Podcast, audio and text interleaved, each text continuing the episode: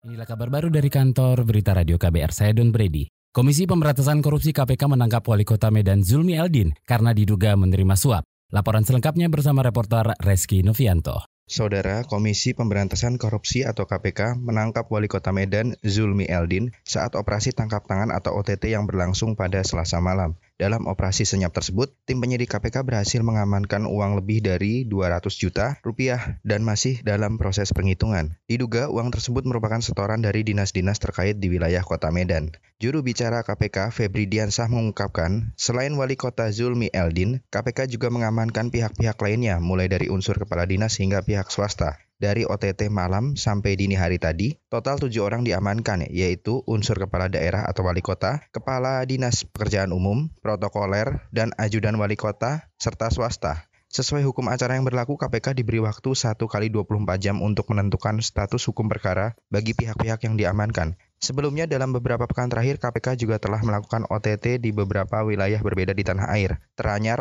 OTT dilakukan terhadap Bupati Indramayu terkait dana proyek lingkungan bersama Dinas PUPR serta pihak swasta.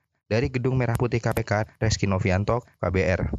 Komisi Pemberantasan Korupsi KPK menahan Bupati Indramayu Supendi selama 20 hari.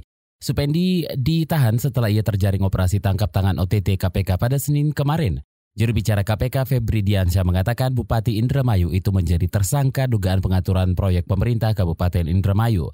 Selain Supendi, KPK juga menahan dua kepala dinas dan seorang pengusaha. Sudah dilakukan penahanan selama 20 hari pertama terhadap empat orang tersangka. Ini tindak lanjut dari OTT di Indramayu kemarin. Tersangka SP Bupati ditahan di rutan cabang KPK. Ini di rutan di gedung lama KPK ya di C1. Kemudian OMS dan WT ini kepala dinas dan kepala bidang di uh, dinas PUPR ditahan uh, di rutan Polres Metro Jakarta Pusat dan CAS pihak swasta ditahan di rutan Polres Metro Metro Jakarta Timur. Itu tadi juru bicara KPK Febri Diansyah.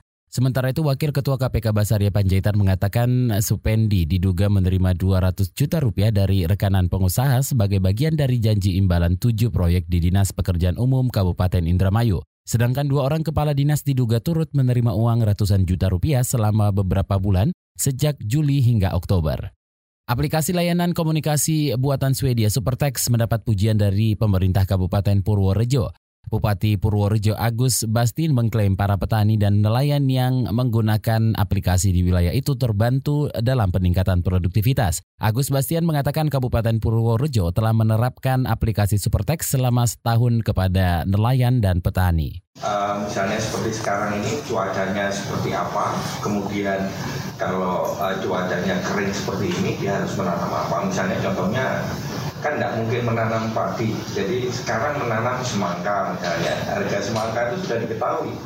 Supertext merupakan aplikasi layanan komunikasi komunitas yang bisa dipergunakan di daerah yang sulit mendapat jaringan telekomunikasi, termasuk daerah terpencil. Dengan Supertext, petani, nelayan, dan pembudidaya ikan dapat mengetahui kondisi cuaca hingga komoditas yang sedang memiliki potensi tanam bagus dan memiliki harga jual tinggi. Organisasi Kamar Dagang dan Industri atau Kadin Indonesia telah bekerja sama dengan perusahaan pembuat aplikasi asal Swedia itu untuk menerapkan penggunaan Supertext di daerah. Demikian kabar baru dari kantor Berita Radio KBR, saya Don Brady.